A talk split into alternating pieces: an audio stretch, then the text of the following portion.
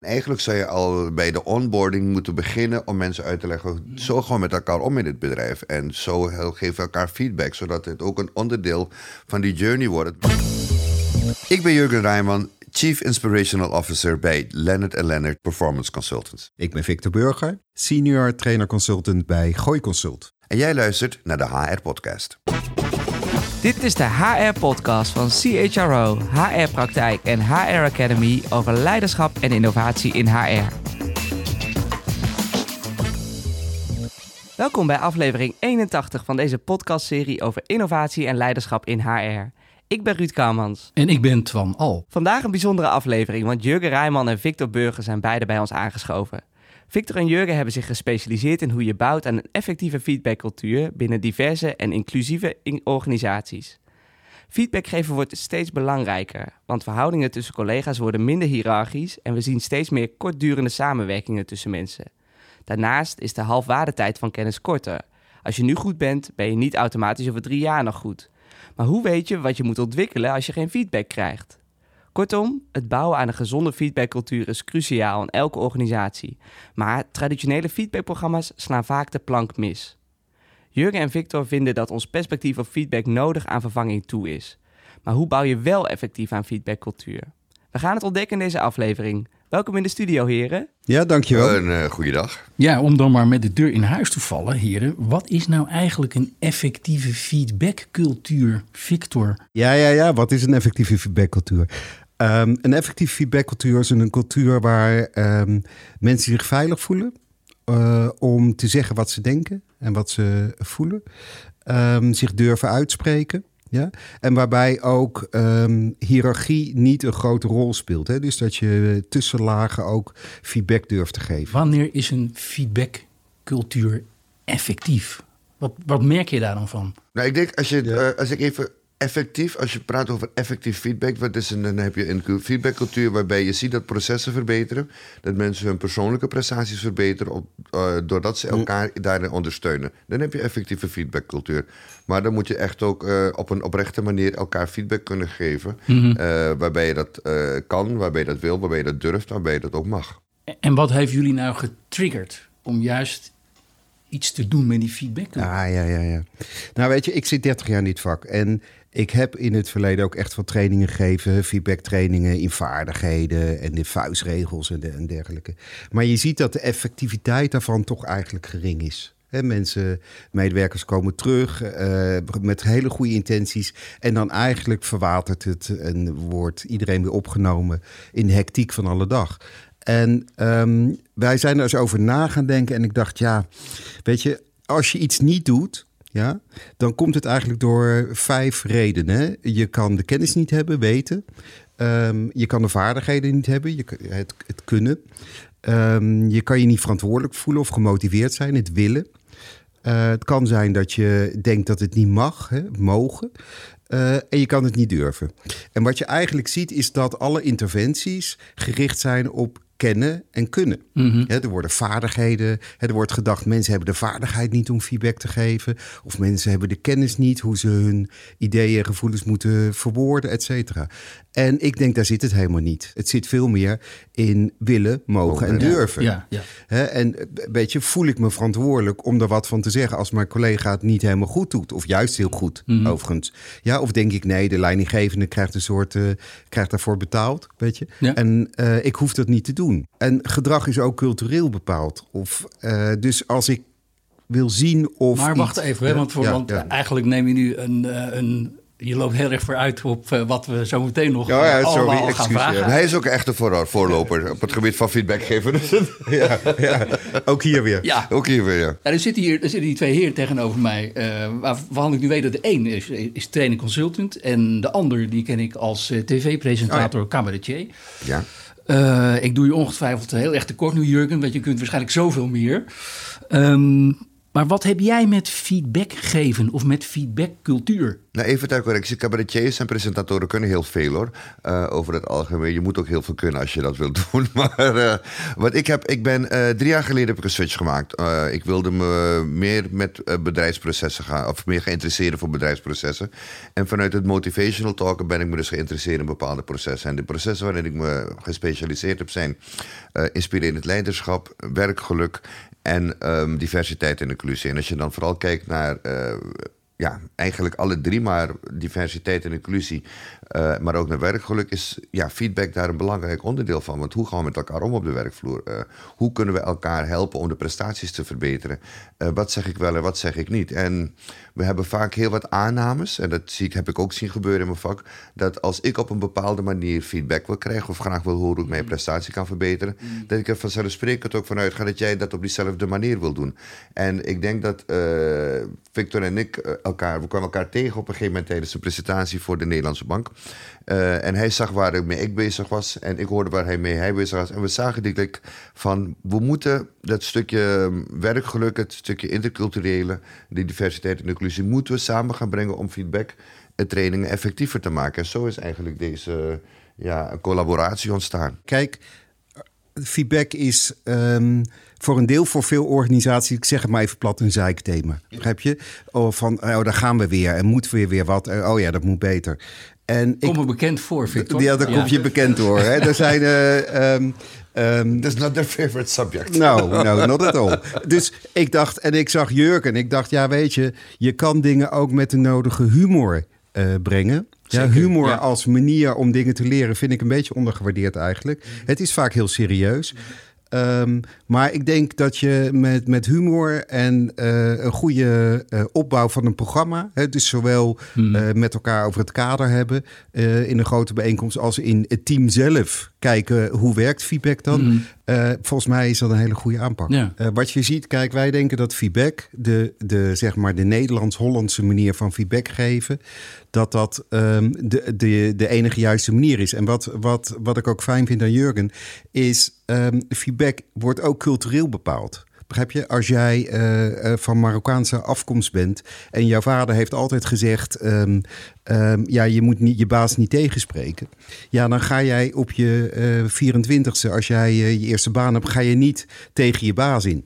Dat heb je van thuis uit zo geleerd. Ja. Het is bijvoorbeeld als je kijkt naar de, uh, wat Caribische mensen heel erg hebben, en dan wil ik niet generaliseren, maar je ziet het veel gebeuren is dat je uit respect iemand niet aankijkt als hij, uh, als hij jou iets vertelt of als hij mm. met jou praat. Dat is, dat, is, uh, dat is echt letterlijk en figuurlijk ingeslagen vroeger. Je, kijkt, uh, je kijkt je meerdere niet aan in de ogen. Dat, dat doe je gewoon niet. ik leerde op, vroeger ook, toen ik, als, ik met, als mijn oma mij een uitbrander gaf, keek ik haar niet aan. Ik bedoel, dan keek je naar beneden, je keek weg. Um, dat kan voor situaties zorgen dat wij in Nederland hier kijken. Ja, als ik met je praat, moet je me in de ogen aankijken, want anders ben je onbetrouwbaar. Uh, terwijl het juist een teken kan zijn van uit respect kijk ik jou niet aan en luister ik wat je me te zeggen hebt. Nou, die discrepantie kan er al voor zorgen dat feedback op een hele verkeerde manier wordt gegeven of uh, wordt aangenomen. Dat zijn van de kleine dingen waar we, waar we vaak geen rekening mee houden. Nogmaals, door die assumption van ja, het, uh, hij, zal toch, hij woont toch al lang genoeg in Nederland, dus hij weet wel hoe we het hier doen. Nee. Neem dingen niet aan. Uh, praat erover en stel de juiste regels met elkaar vast. Ah, maar dit klinkt interessant, want het lijkt dus alsof in huidige feedbackprogramma's vaak die culturele component niet meegenomen wordt. Nee, omdat het alleen maar op het kennen en kunnen hebben, zoals Victor dat zo mooi zei. En um, als je praat over mogen en durven bijvoorbeeld, uh, en ook willen, is dat mhm. echt cultureel bepaald. Ik, als ik in een organisatie zit waar ik geëxcludeerd word, waarbij ik mij niet inclusief voel in de organisatie, zal ik ook niet de wil hebben om, om feedback te geven. Want ik heb zoiets van, ja, wat is mijn bijdrage hier? Ik kom hier om een paycheck te krijgen elke mhm. maand. En verder is het, uh, ja, je mond houden, je werk doen en uh, zo weinig mogelijk reuring veroorzaken. Dus dan wil ik het ook niet. Ik durf het niet. Um, en als we die componenten met elkaar gaan bespreken en mensen daartoe de ruimte geven, dan ga je naar die organisatie, zoals je het in het begin vroeg, waar je effectief feedback kan geven. En, en misschien, Ruud, um, het gaat nog iets verder. Hè? Ik denk dat um, het eerste team, ja, wat jou bekend is, dat is je gezin. Ja. ja? ja. En um, daar zit je, nou ja, ongeveer een jaar of 18 zit je daar behoorlijk intensief in. Dus daar neem je dingen wel of niet van mee. Ja? En die dingen, hoe je omgaat met ehm, conflicten, hoe je omgaat met elkaar tegenspreken of eh, elkaar wat teruggeven, die dingen neem je mee. En ehm, wij, we hebben echt interessante gesprekken met mensen. Zeg, ja, ik kom eh, uit, een, uit een gezin waar het echt eh, gewoon niet oké was om mijn ouders tegen te spreken of iets. Weet je. En daar heb ik nog steeds een klein beetje last van, Mm. zei iemand van 63 Want later. jullie analyse is van de meeste programma's focussen zich op het kennen en kunnen. Maar dan, dan, dan, dan in de training zelf kan het dan, kunnen mensen het gevoel van, oh, ik leer, ik leer nu feedback geven. Maar dan nemen ze dus niet mee naar hun eigenlijke praktijk. Ja, en nog iets verder. Kijk, soms kan je eh, feedback eh, geven. Het voornemen kan je een beetje vergelijken met dingen als eh, ik wil afvallen. Ja? Ja. En dan, dan ga je allemaal mooie dingen voornemen, et cetera. En ehm, uit heel veel onderzoek blijkt dat als je een omgeving inricht hè, die je daarbij helpt. Eh, eh, dat dat ehm, enorm helpt om die voornemens werkelijkheid te maken. Dus als je, hè, bijvoorbeeld, ik geloof erg in structuurtjes. Dus dat je zegt van nou laten we de eerste, eh, de, de eerste managementvergadering van, van de maand, laten we het laatste half uur gebruiken om eens te kijken hoe de samenwerking gaat. Ja. En laten we routines inbouwen. Ehm, daar geloof ik v- veel meer in. Hmm. Hè, en dan zal het misschien eh, van, de, van de tien keer eh, acht keer doorgaan, maar dan heb je die acht keer gewonnen. En dat heeft dus met bedrijfscultuur te maken ook. Eh, hoe zit mijn bedrijfscultuur in elkaar? En daar ben ik, luisterde naar jullie podcast met eh, Janine Vos. En Janine die heeft het heel mooi over de, de, zeg maar, de employee journey, weet je? Dus de, de journey die de werknemer maakt. En eigenlijk zou je al bij de onboarding moeten beginnen om mensen uit te leggen. Zo gewoon met elkaar om in het bedrijf. En zo geven we elkaar feedback. Zodat het ook een onderdeel van die journey wordt. Dat mensen weten, oké, binnen dit bedrijf kunnen we op zo'n manier met elkaar praten. Dit is een veilige manier. En ehm, ja, ook al is het soms heel persoonlijk, dan kan je daarna toch nog kleine, zeg, eh, kleine tweakjes doen, het een beetje bijpassen. Want ja, misschien moet ik met Victor net iets anders eh, het doen, maar we weten wel dat dit de basis is hoe we feedback geven en dat het voor ons heel normaal is, omdat het onze prestatie verbetert en dat het ook goed bedoeld is. En dat het niet is om iemand eh, ja, de enkels eh, zeg maar helemaal af te fakkelen, maar dat je, dat je het echt doet omdat je eh, die persoon een beter wil laten presteren. En je wil ook de processen beter laten gaan binnen het bedrijf. Nou, als je die intentie vanaf het begin al heel duidelijk maakt en ook de afspraken heel duidelijk maakt, dan wordt het een onderdeel van die journey. En dan zie je dat feedback geven ook makkelijker wordt. En dat je dan ook naar die organisatie gaat waar je dus effectief feedback kan geven. Ja. En de- deze is ook echt interessant, Jurgen, wat jij zegt over. ehm, en jij zegt even tussen neus en lippen door van ja, om het resultaat beter te krijgen. Ik vind dat heel veel, eh, dat, dat we eigenlijk, eh, wat we nog niet goed genoeg doen, is het koppelen aan resultaat. Begrijp je? Er wordt heel vaak gedacht, het, eh, het feedback is een soort vak gymnastiek hè, op je middelbare school. Deelname is vrijblijvend en telt niet mee voor je overgang. En dat komt omdat we niet aannemelijk maken dat feedback helpt om die resultaten beter te krijgen. Ja, dus eh, dan zegt, eh, neem maar even ehm, een manager van een grote luchtvaartmaatschappij. Die zei, ja, de sfeer in de hangar is echt, eh, is echt onprettig. En, maar mensen werken 200%. Dus ja, wat moet ik doen? Toen zei ik, nou ja, als ze 200% werken, moet je niks doen. Toen zeiden ja, maar je begrijpt het niet. Want door die sfeer is er veel gedoe. Ja? En toen zei ik, en wat is er erg aan? Toen zei hij, door dat gedoe worden, eh, duurt het lang voordat een, groep besluiten neemt op de werkvloer. En toen zei ik, wat is daar erg aan? Hij zei, nou, dat soms containers niet op tijd bij de kist zijn. Ik zeg, wat is daar erg aan? Zei hij, dat mijn NPS-score daalt. Ja. En NPS hè, is de belangrijkste eh, score voor hun. Dus dan zie je eigenlijk een soort tegenstrijdige boodschap. Hè? Eh, hij zegt, we, we- ze werken 200%, maar ze doen ook de belangrijkste KPI dalen. En dat, dat moet, daar moet je heel helder in zijn. Feedback heeft te maken met een resultaatkant.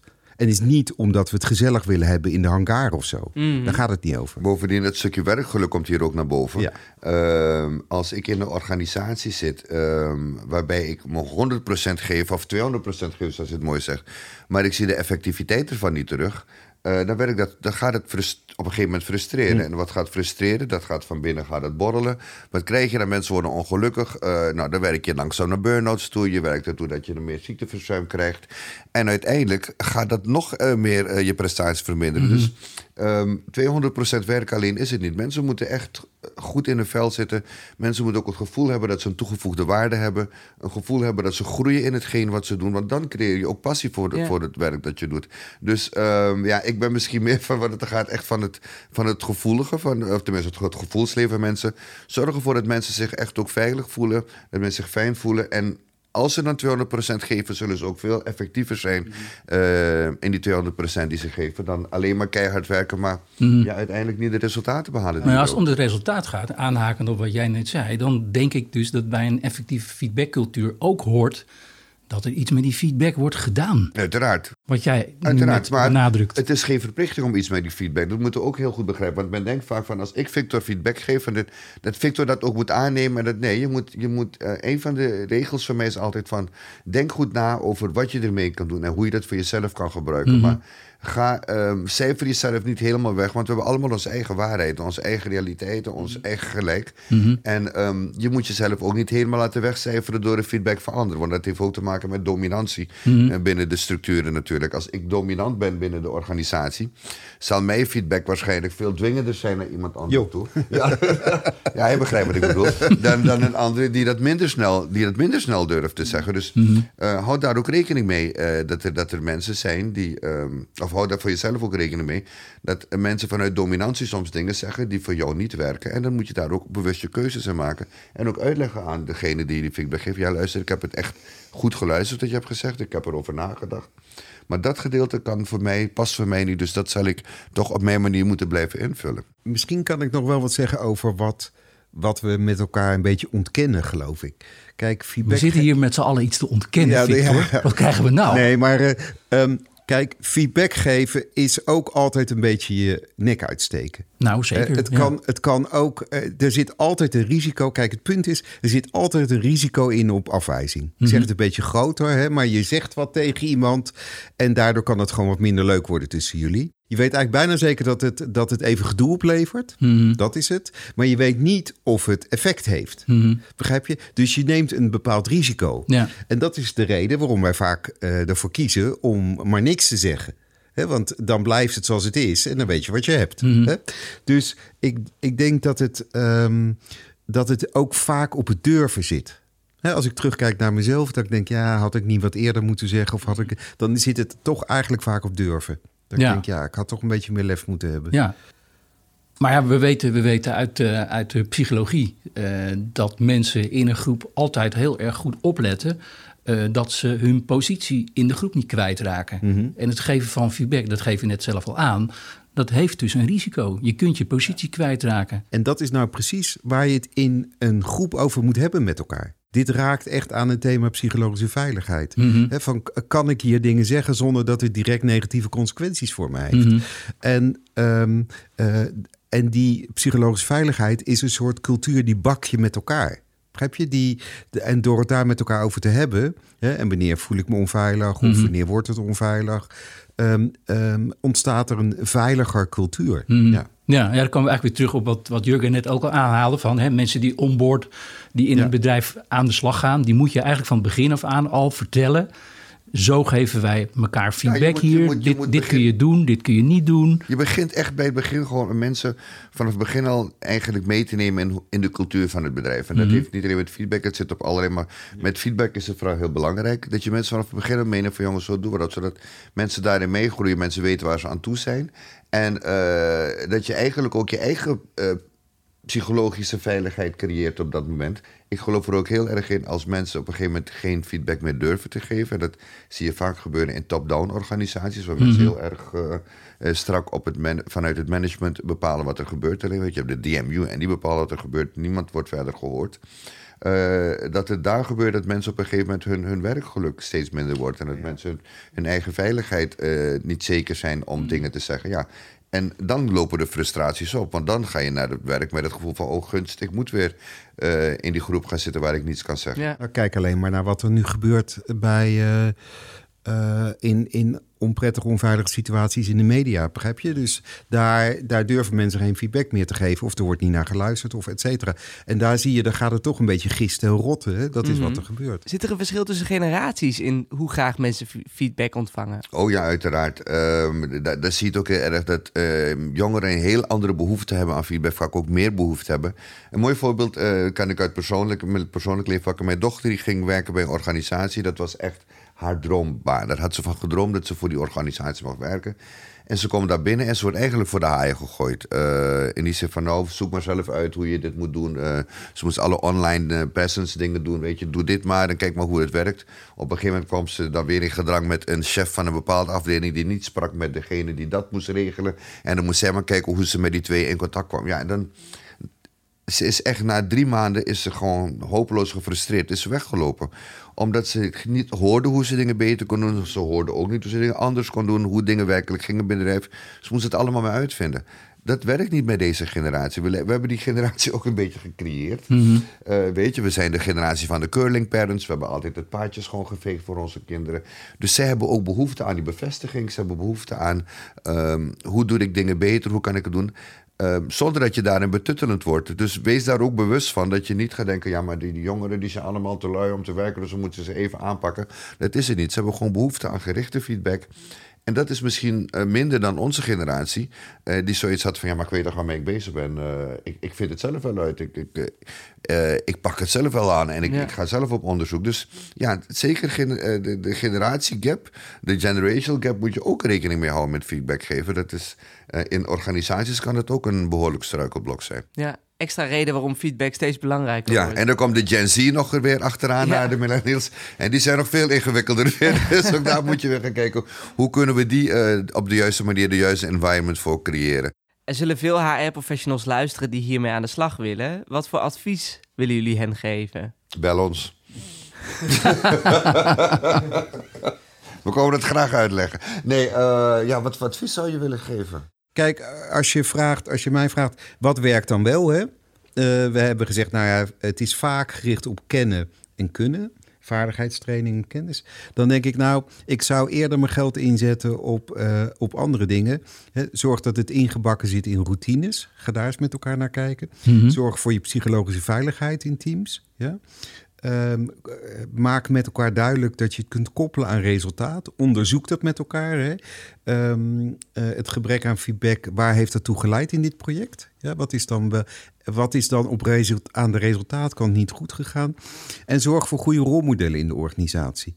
Begrijp je? Ja. Dat, er- dat er mensen zijn die dat voordoen. Hoe doe je dat nou? Mhm. Goede feedback geven. Eh, daar zou ik eerder op inzetten dan weer een training. En wees altijd nieuwsgierig naar elkaar. Eh, creëer de empathie en ga dan samen eh, met elkaar aan de slag om elkaars prestatie optimaal te verbeteren. En daardoor ook de prestaties binnen je bedrijf. Nou, mooi gezegd. Op die noot zou ik deze aflevering willen afsluiten. Maar niet voordat ik een primeur eh, mag aankondigen. Want Jurgen Rijman en Victor Burger organiseren samen met de HR Academy namelijk de grote Feedback Show. Tijdens dit live event leren Jurgen en Victor je hoe je jouw medewerkers de juiste richting op beweegt, zodat zij elkaar feedback willen, mogen en, belangrijk, durven geven. Houd de website van HR Academy in de gaten om je hiervoor in te schrijven en Jurgen en Victor live te kunnen ontmoeten. Dit is het einde van weer een aflevering van de HR-podcast over leiderschap en innovatie in HR. Vind je dit een leuke podcast? Geef dan je 5-sterren review in Apple Podcast of Spotify. En heb je suggesties voor gasten voor een volgende aflevering? Stuur dan een mailtje naar redactie.hrpodcast.nl Dank voor het luisteren en tot de volgende HR-podcast.